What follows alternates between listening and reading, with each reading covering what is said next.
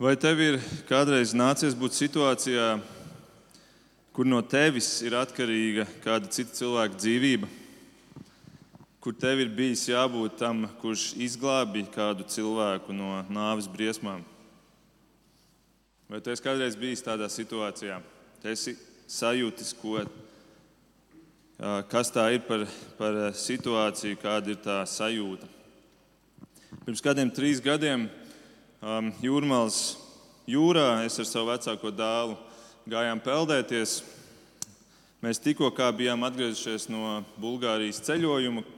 Un, uh, tur Bulgārijā mēs katru dienu peldējāmies vietā, kura bija diezgan bīstama, pludmale bīstama. Bīstama ar to, ka tajā vietā divas traumas saplūda kopā. Līdz ar to vienā punktā šajā jūrā uh, radās tāda tāda, um, tāds stāvoklis, kur tevi rauj iekšā jūrā.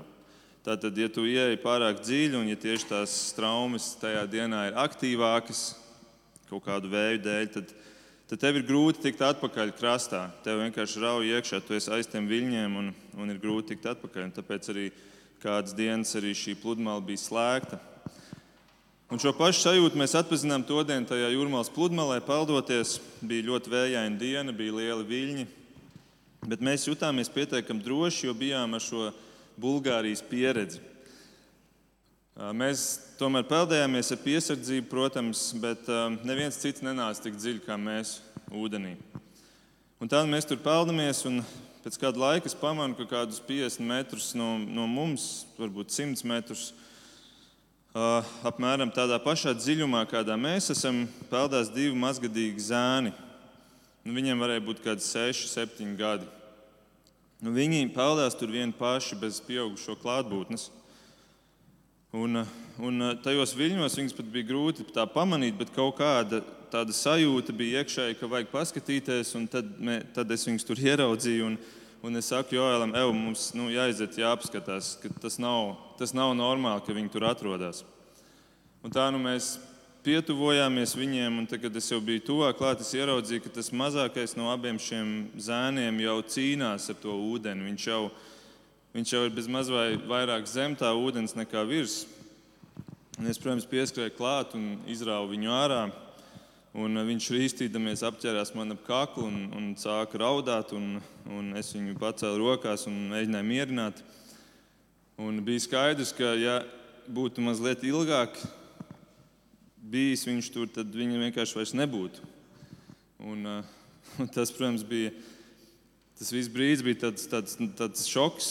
Viss notika tik strauji, un, un Tas, tu saproti, ko nozīmē laiks, tu saproti tajā brīdī, cik trausla ir dzīvība, cik vērtīga ir dzīvība. Tas viss bija tāds neliels šoks, bet kas bija vēl lielāks šoks par to visu, bija tas, ka tu redzi, viņam blakus ir draugs. Un šis draugs ir mazliet lielāka auguma, bet arī viņš ir mazs zēns. Bet šis draugs, viņš pat nebija pamanījis, ka viņa draugs slīkst viņam blakus.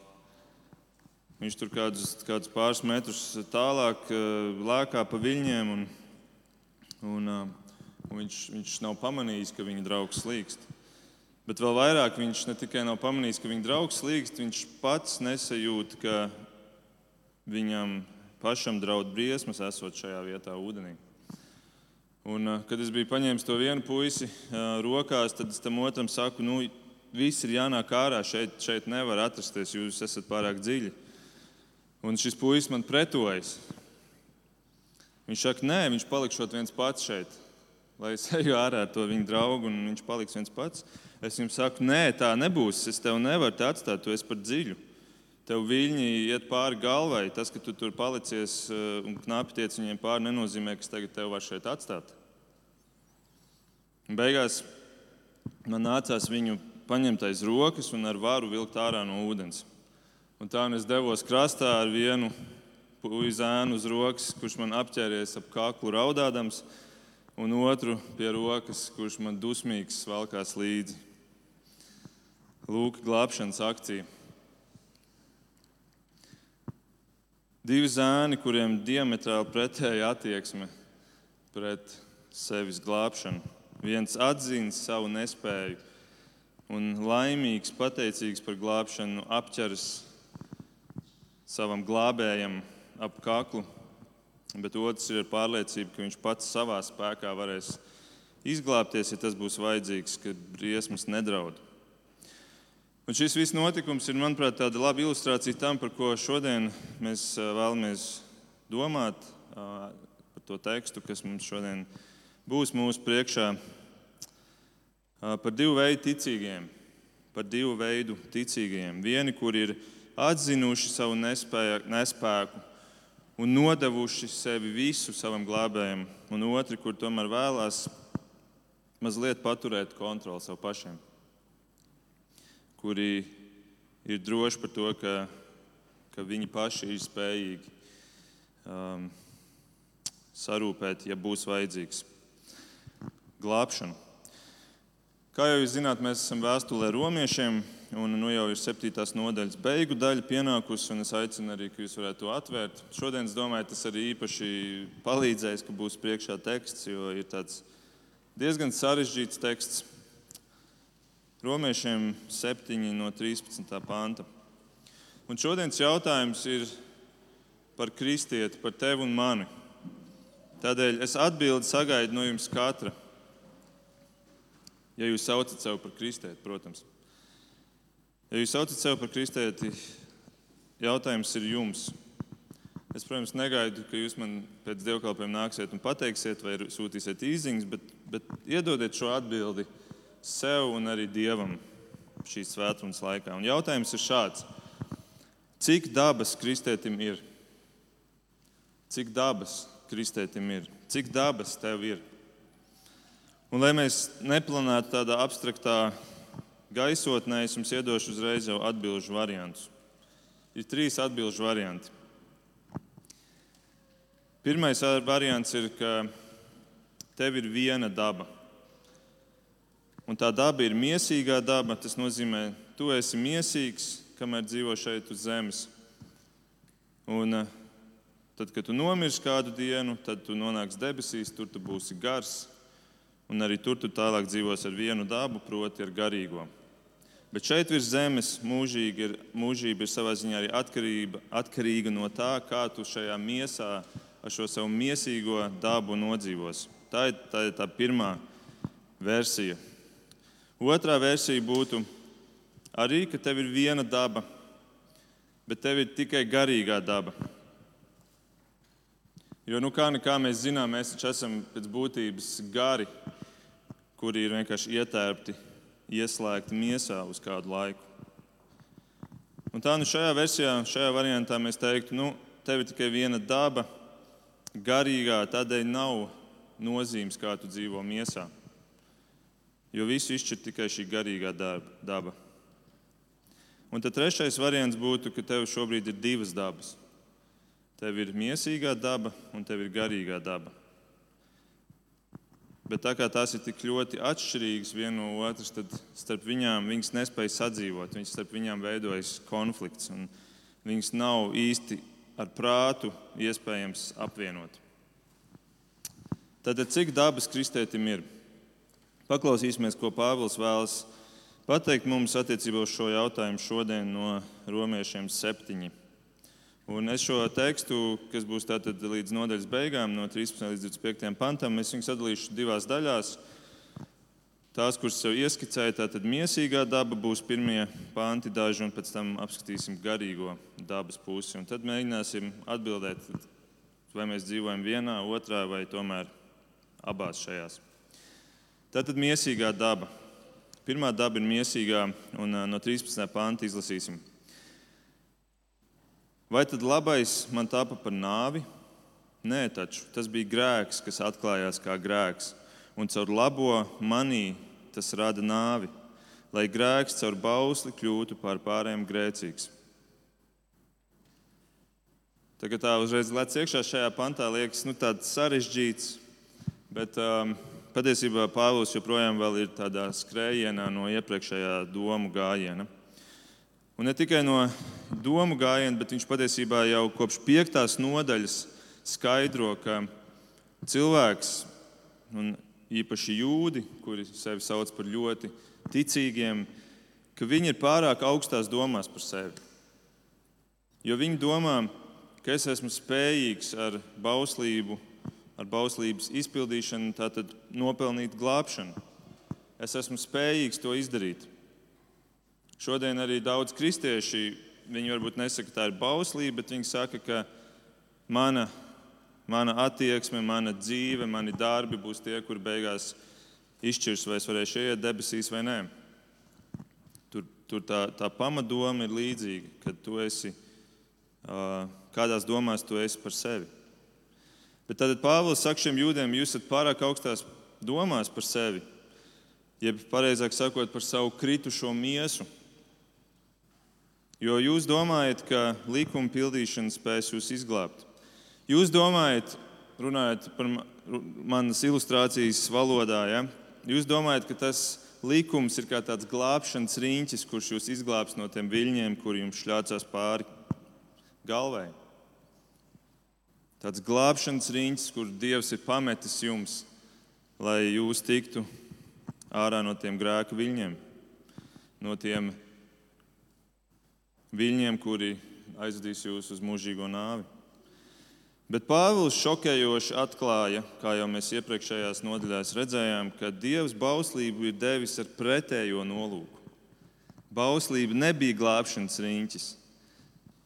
Bauslība bija vējš, ar vien stiprāks vējš, kas padara viļņus ar vien lielākus. Bauslība nav glābšanas riņķis, bauslība ir vētra, kura tev tiek sūtīta, lai tavi viļņi kļūst ar vien lielāki, lai tu nonāktu pie secinājuma, lai tu atzītu, ka tu neesi spējīgs pats izglābties. Pretēji nozīme. Un tad Pāvils šodienas tekstā turpina 14. pantā. Mēs zinām, ka bauslība ir garīga, bet es esmu miesīgs, pārdots grēka verdzībām. Un te Pāvils izved uz skatuves tātad pirmo reizi mans pieminēto dalījumu - garīgs un miesīgs.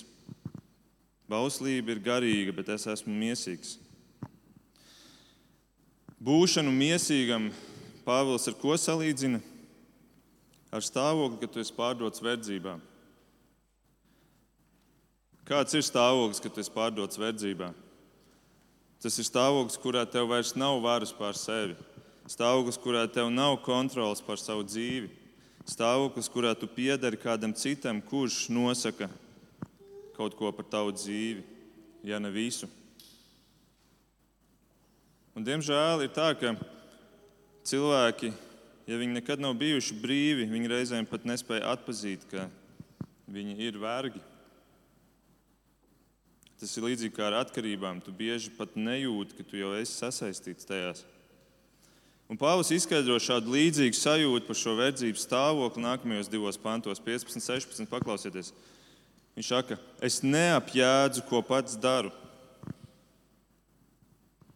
Tad, kad es dzirdu šādus vārdus, man ir jādomā par mūsdienu jauniešiem, kuri bieži vien arī neapjēdz, ko paši dara, kad viņiem viss brīvais laiks uzreiz ir telefona ekrāni un, eh, un tu lec iekšā tajā pasaulē, tajā virtuālajā realitātē. Un tu pat nejūti to, ka, kā tas tev ir saslēdzis. Un mums jau nav jārunā par jauniešiem, ne? mēs varam paskatīties uz sevi. Paskatīties, kā mēs savu laiku esam sadalījuši, atskatāmies uz pēdējo nedēļu, kā laiks ir aizgājis. Un, un mēs varam varbūt ieraudzīt kādas pazīmes, kur arī es varu teikt, es pat neapjēdzu, kā mans laiks tiek aizrauts prom ka es daru lietas, kuras es varbūt nemaz negribu darīt, bet, bet es esmu jau kā tādā verdzībā ieslēgts. Bet Pāvils šeit saka, tad 15. un 16. pāns. Es neapjēdzu, ko pats daru, jo es nerīkojos tā, kā gribu, bet daru to, ko pats ienīstu. Bet, ja daru to, ko negribu, tad es piebalsoju bauslībai, ka tā ir laba. Atkal, vai ne sarežģīta doma? Viss, šī, viss, teicu, viss šis teksts ir sarežģīts, bet viņš ir ļoti, ļoti svarīgs, svarīgs uh, fundaments mūsu ticības dzīvē. Tātad, tādā lielos vilcienos mēs varētu teikt, Pāvils šeit saka, ka rezultāts ir tāds, kā tas teiciens: gribēju kā labāk, bet sanāca kā vienmēr. Pat ja gribu labu, es izdaru sliktu. Pat ja es negribu grēkot, es tomēr grēkoju. Kādēļ? Kādēļ, kādēļ ir šis pretējais rezultāts? Atbilde ir tā, ka tādēļ, ka manī mīt mīsīgā daba. Es esmu joprojām šajā kritušajā miesā. Tā ir tā, kas mani visu laiku velk atpakaļ uz to, kas ir grēks. Un, ziniet, šajā situācijā, šajā stāvoklī at, atrodas visi cilvēki. Šajā stāvoklī atrodas gan ticīgie, gan neticīgie cilvēki. Visiem cilvēkiem tas ir kopīgs. Es, kristietis Markus, dzīvoju kritušajā miesā, tāpat kā mans kaimiņš, kurš katru nedēļas nogali regulāri piedzers. Piemēram, man nav, paldies Dievam, tāda kaimiņa, bet piemēram, mums abiem ir viens un tas pats kopīgs. Mums abiem ir kritusī miesa. Mums abiem šī puse ir vienāda. Mēs abi esam vienādā stāvoklī. Mēs visi šajā ziņā esam vienādā stāvoklī. Visi cilvēki šajā pasaulē. Un kamēr mēs to neatzīstam, tikmēr mēs esam kā tas zēns, kurš domā, ka viņš pats tiks galā ar tiem viltīgajiem jūras viļņiem, esot pārāk augstās domās par saviem miesas spēkiem, par savu miesīgo dabu.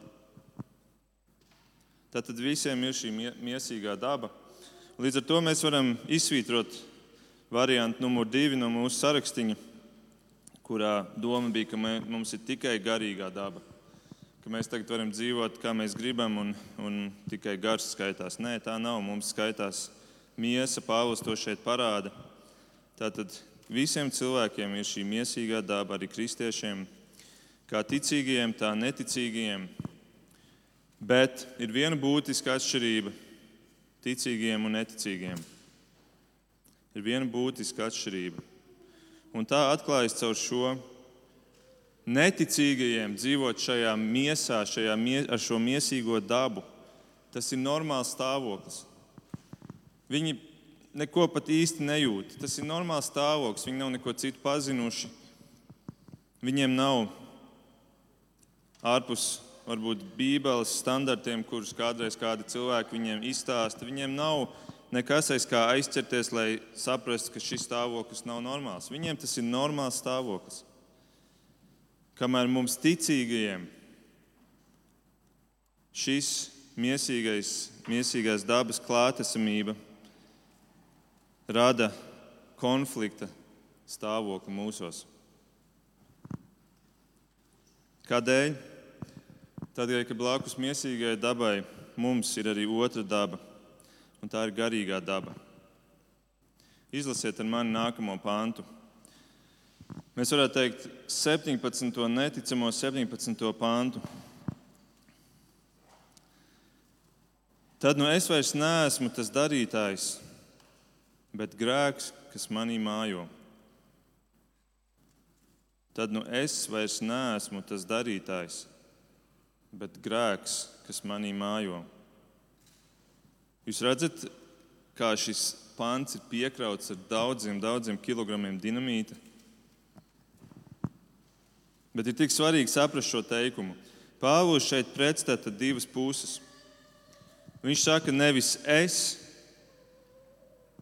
bet manī mītošs kaut kas. Nevis es, bet manī mītošs kaut kas. Nevis es, gars, bet otrs es miesa. Un manī miesā, manā miesā mītošais grēks. Nevis īstais es gars, bet tas neīstais es miesa. Nevis jaunais es gars, bet vecais es mana miesa. Un te, tā, te ir tās divas dabas kristietī, kuras dzīvo blakus viena otrai.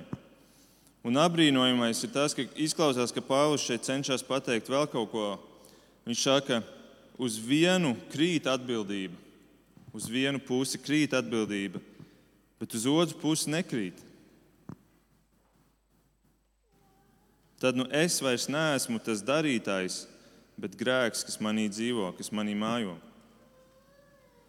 Uz vienu es krīt visa atbildība, uz otru es nekrītu vairs atbildība. Viens es ir tas darītājs, Pāvils saka, otrs es nav šī grēka darītājs. Miesā mītošais grēks, jeb miesa, kurā mīt šis grēks, ir šī grēka darītājs, ir tas, kurš dara to. Bet vairs ne gars. Gars nav darītājs. Un es teicu, šī doma ir pilna dinamīta. Varbūt viņa sākumā izklausās tāda nu, jā, sarežģīta teoloģiska doma, bet viņa ir tā ir wow doma. Tik daudz dinamīta, ka tam vajadzētu saspridzināt visus balstus mācībām, kuras, kuras pasaka, ka, piemēram, glābšana tas ir tāds, tas ir tāds izplūdes process, tāds abstrakts process, kurā mēs īsti nezinām, kur mēs stāvam, kur mēs visu tikai uzzināsim dzīves beigās, atkarībā no tā, kā mēs būsim nodzīvojuši savā miesā šo dzīvi. Nevis, ka tas ir viens faktisks notikums. Jo šajā pantā ir notikusi izmaiņa, kur ir panākusi, ka mani vairs nespēja padarīt atbildīgu par grēku.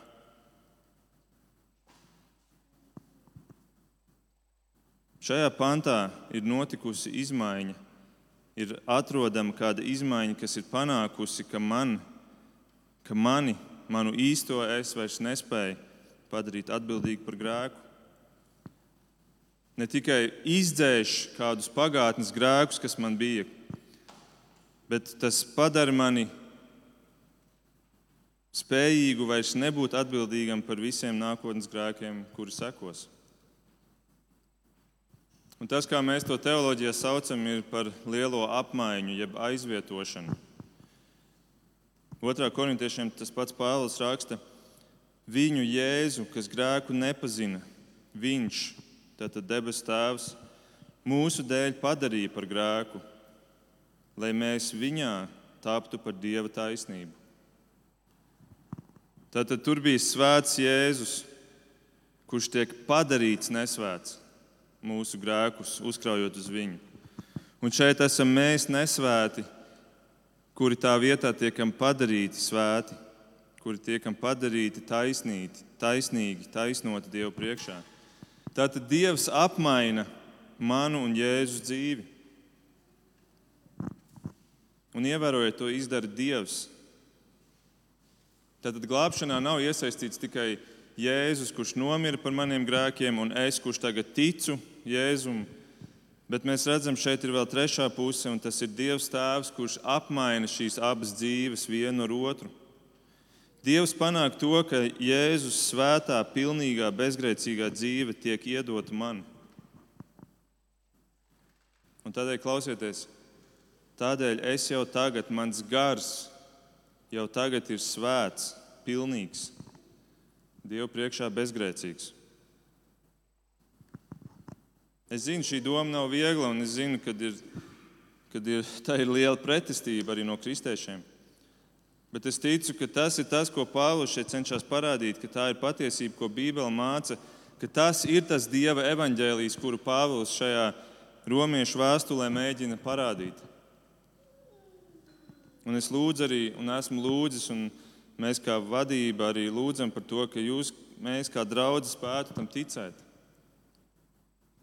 Pāvils kādai citai draudzēji, proti, kolosiešiem, raksta: Raugieties, ka neviens jūs nepieviļ ar cilvēciskās gudrības tukšo maldināšanu.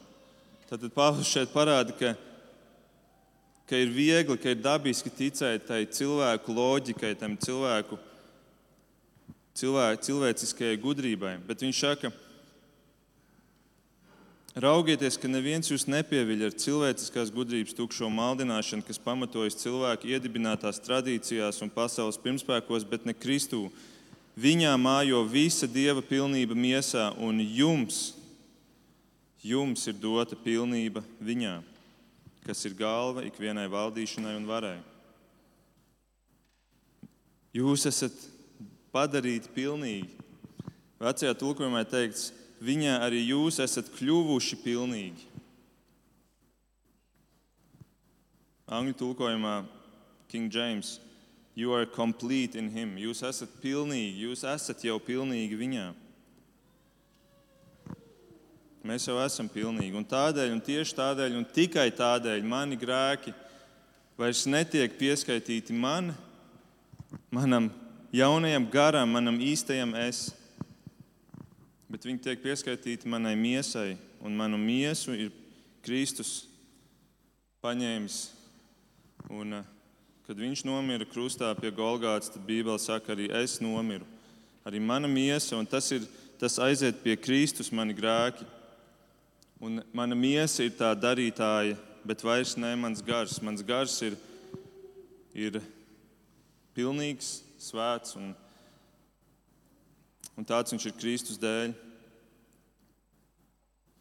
Tādēļ 17. pantā mēs redzam, es vairs neesmu grēka darītājs. Mans garīgais cilvēks vairs nav atbildīgais par grēku, bet tā ir mana vecā miesa. Un tādēļ Pāvils turpina 18. un 19. pantā. Es zinu, ka manī tas ir manā miesā nemājo labais. Es gan varu gribēt labu, bet piepildīt nevaru. Nevis to labo, ko es gribu, es daru, bet rīkojos ļauni, kā pats negribu. Es domāju, šī ir tāda sajūta, kur mēs visi pazīstam. Ne?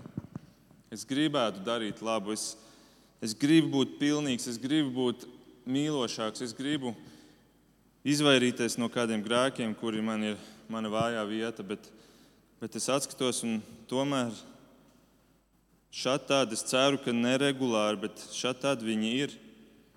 Un tad ir vēl tie grēki, kurus es pat nepamanu. Es sāpinu savu sievu, un es pat to nepamanu. Un tad, kad es atskatos, tad es, tad es ieraugu to. Es gribu darīt labu, bet, bet kaut kas manī ir tāds, kas mani aizved atkal un atkal pie grēcīgiem darbiem. Tādēļ Pāvils saka, miesā nemājo labais. Labais nemājo miesā, bet garā, kas, kas mājo garā? Un šajā pašā pantā jau, un arī iepriekšējos dažos pantos, Pāvils ir ienesis vienu jaunu, nenormāli svarīgu vārdu Un tas ir vārds gribēt. Griba. Gribu.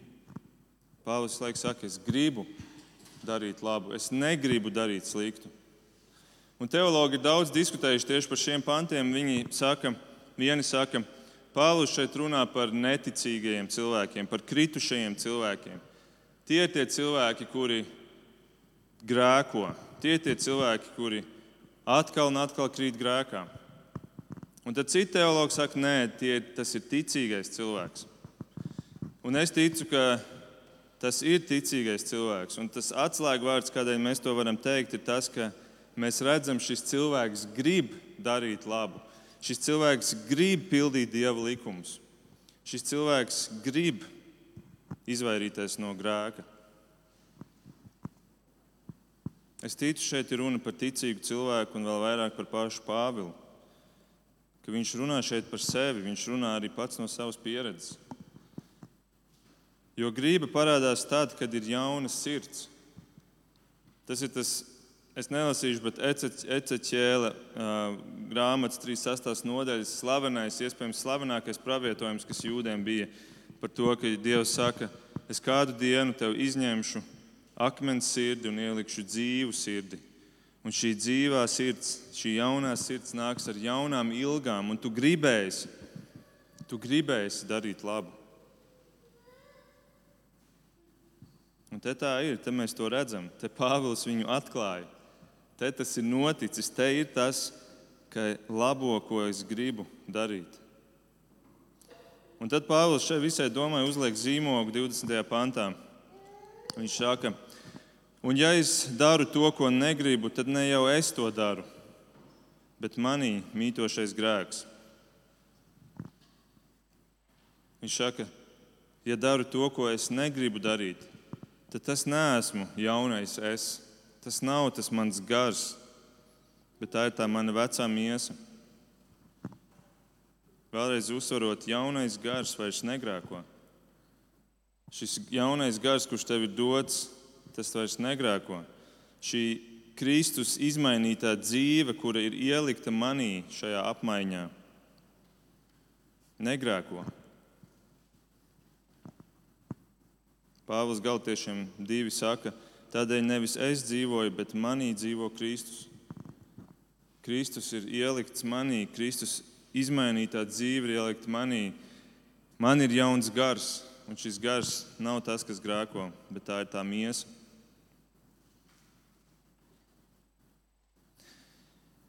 Un tomēr cilvēkiem gribās domāt, un es domāju, tieši kristiešiem gribās domāt, nu nē, bet es taču esmu vājš, es esmu grēcīgs. Es pats esmu atbildīgs par, par saviem grēkiem. Pāvils, tas ir, tas ir pārāk sarežģīti, ko tu šeit saki. Un būt paškritiskiem ir labi. Apzināties miesas vājumu ir labi. Tā jau ir tā pirmā daļa manai domai. Ir labi apzināties savu vājumu, nevis būt tam bravurīgiem zēnam, kurš paliks dziļajos viļņos un ticēs un cerēs uz saviem spēkiem. Bet, bet ir arī svarīgi apzināties to Kristus doto jauno gara stiprumu. Un tas ir tas īstais kristiešu līdzsvars. Tas ir tas miesa vāja. Jā, izskatās, ka es esmu atbildīgs par visiem, visiem grēkiem joprojām, bet vienlaikus tomēr Dievs caur Bībeli saka, ka man ir jauns gars.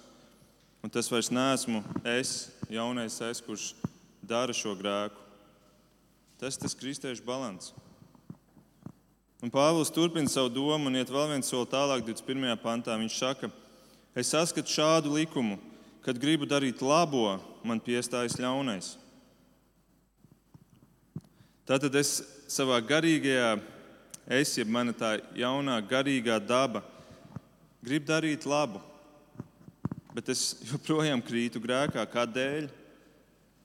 Pāvils šeit ievada vēl vienu jaunu domu. Viņš saka, tādēļ, ka man piestājas ļaunais. Mēs varam jautāt, kas tad ir šis ļaunais? Un daudz teiktu, Vēlns, Sātans, Lucifers. Tāpēc arī daudz saka, man, man šodien Sātans uzbruka, man katru dienu ir Sātana uzbrukumi. Un mēs jau esam par to runājuši. Nu, nē, Sātans nav nemaz tik melns, kā viņa mālē, jo viņš nevar atrasties vienlaikus pie visiem kristiešiem. Viņš nav vispēcīgs, viņš nav omnipotents, omniprezents, visur klātesošs. Viņš nav Dievs. Es ticu, ka tas nav sātens, kurš ir 21. pantā minēts. Bet tas ir tas daudz spēcīgākais, ļaunais ienaidnieks, kurš ir klātesošs pie katra kristieša. Un tā ir tā kritusī miesa. Un par to jau arī Pāvils šodien runā, par šo otro pusi. Gārs grib labo, tomēr miesa aizved pie grēka. Ja jēzus vārdiem sakot, gars ir apņēmīgs, bet miesa ir vāja. Un tā nu Pāvils noslēdz gandrīz šo visu domu ar tiem izmisuma pilniem vārdiem. Paklausieties no 22. panta. Pēc savu iekšējā cilvēka es ar prieku piekrītu Dieva bauslībai, bet savos locekļos es manu citu likumu, kas karo pret mana prāta likumu un sagūsta mani tajā grēka bauslībā, kas ir manos locekļos. Es nožēlojamais cilvēks, Kas mani izraus no šīs nāvei padotās miesas?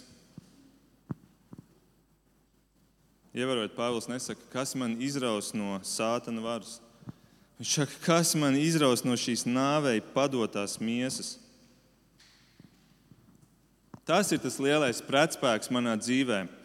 Un tas ir tas lielais konflikts manī, šis, šis, šī ne, nepilnīgā miesa kopā ar šo pilnīgo garu.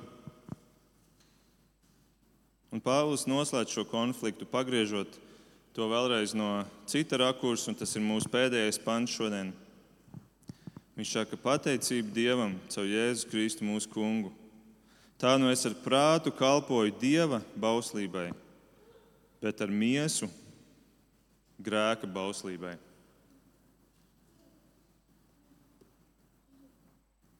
Pāvils šeit ievada vēl vienu jaunu domu, par kuru mēs varētu runāt veselu svētdienu, bet mēs to nedarīsim. Bet tā doma ir tā, ka pastāv divi likumi, pastāv divas bauslības. Vai tu to biji iepriekš dzirdējis, šādu domu? Ka ir divas bauslības, divi likumi. Viņš saka, ka miesa kalpo vienam likumam, gars kalpo otram likumam. Miesa kalpo bauslībai, kura no, notiesās šo miesu par tās grēkiem. Tā ir tā labi zināmā dieva bauslība. Bet ir otrs likums, kuru arī Pāvils šeit sauc par dieva bauslību, tāpēc, ka tic, ka Dievs pats ir viņu izpildījis. Un tas ir jauns likums, kurā dzīvo mūsu gars, mūsu pilnīgais gars. Viņš ir brīvs no tās vecās bauslības. Viņam ir jauns likums, jauna bauslība. Bībele to sauc par brīvības likumu, par svabadības likumu. Brīvības likums tādēļ, ka tajā nav neviena aizlieguma. Nav neviena aizlieguma. Patiesībā šajā brīvības likumā ir tikai viens teikums, un tas ir: viss ir atļauts.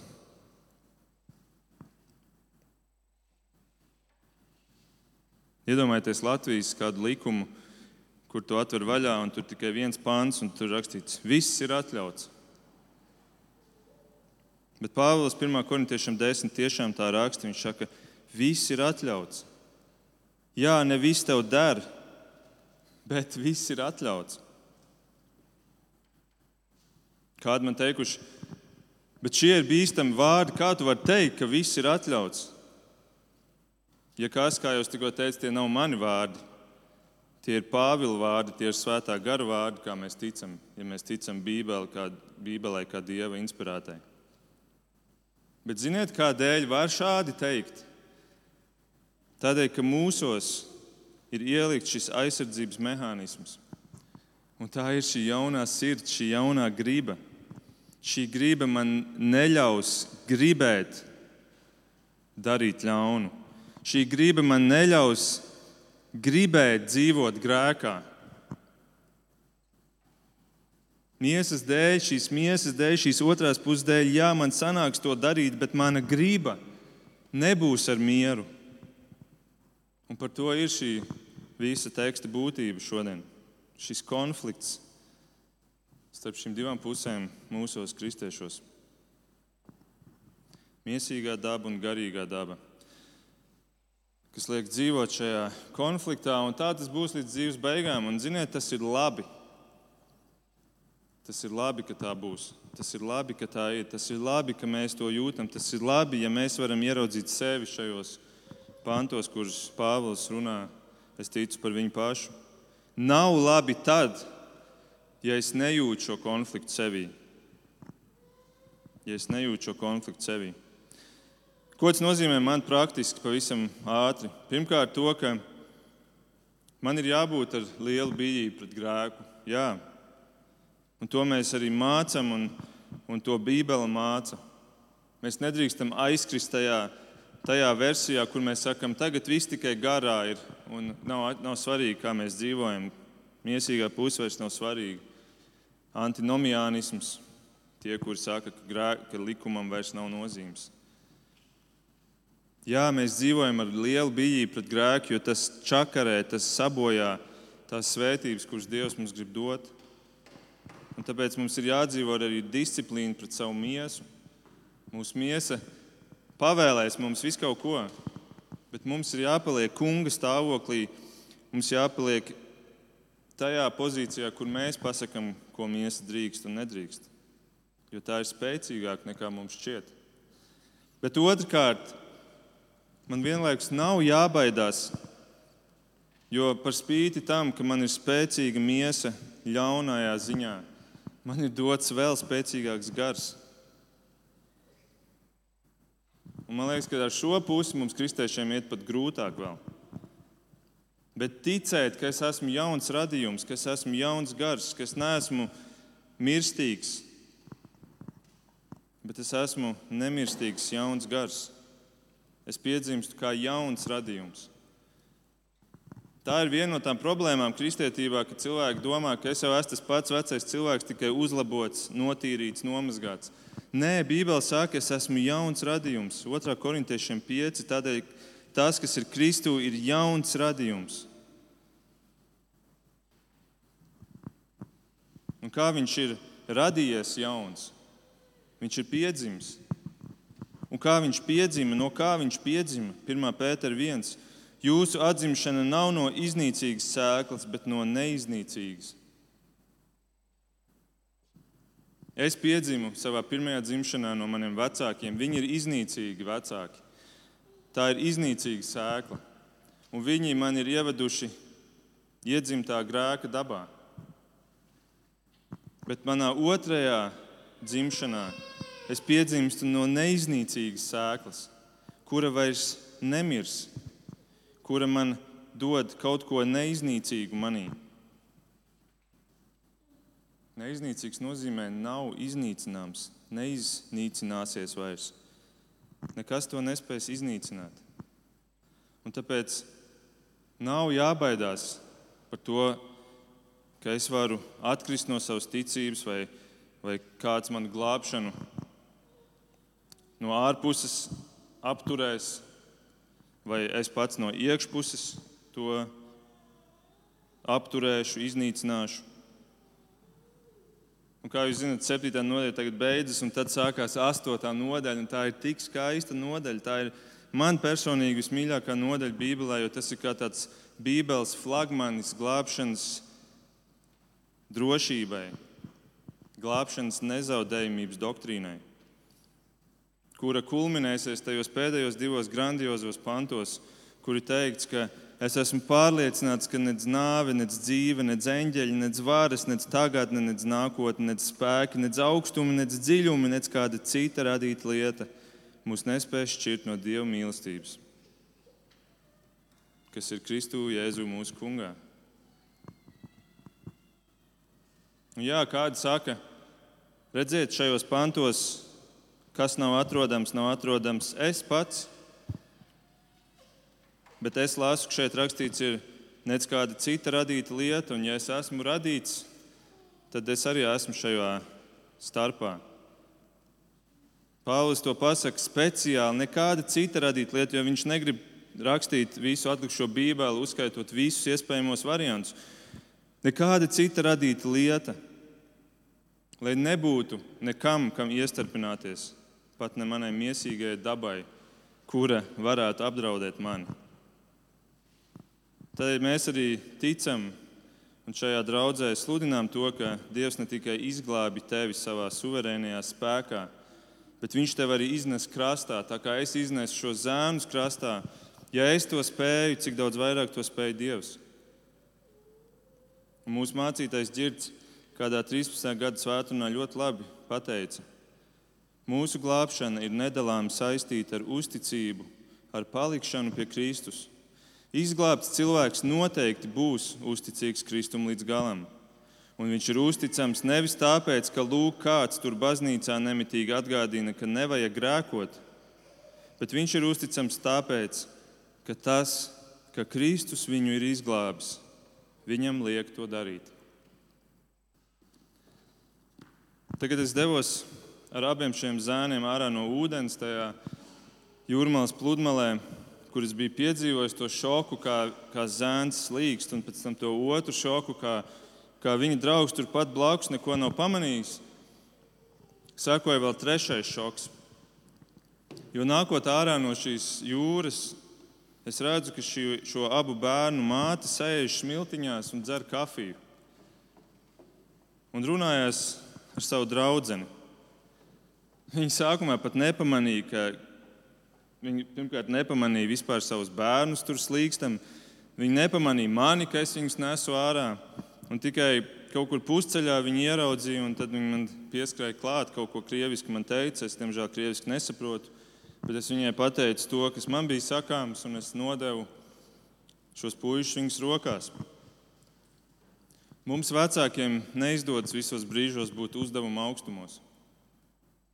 Neizdodas visās dzīves situācijās nosargāt savus bērnus, jo mēs esam nepilnīgi vecāki. Mēs esam nepilnīgas mātes un mēs esam nepilnīgi tēvi.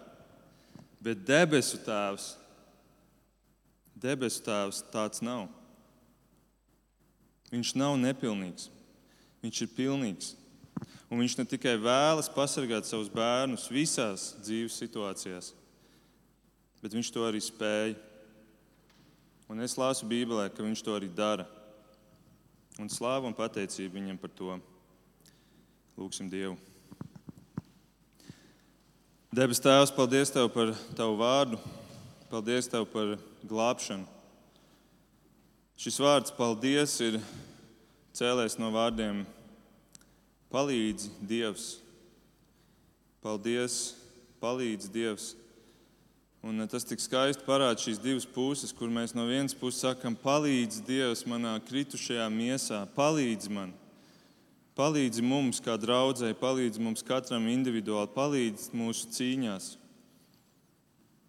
Tajā miesā, kura ir kritusi caur ādamu grēku, un kurā mēs joprojām dzīvojam kā kritušajā miesā.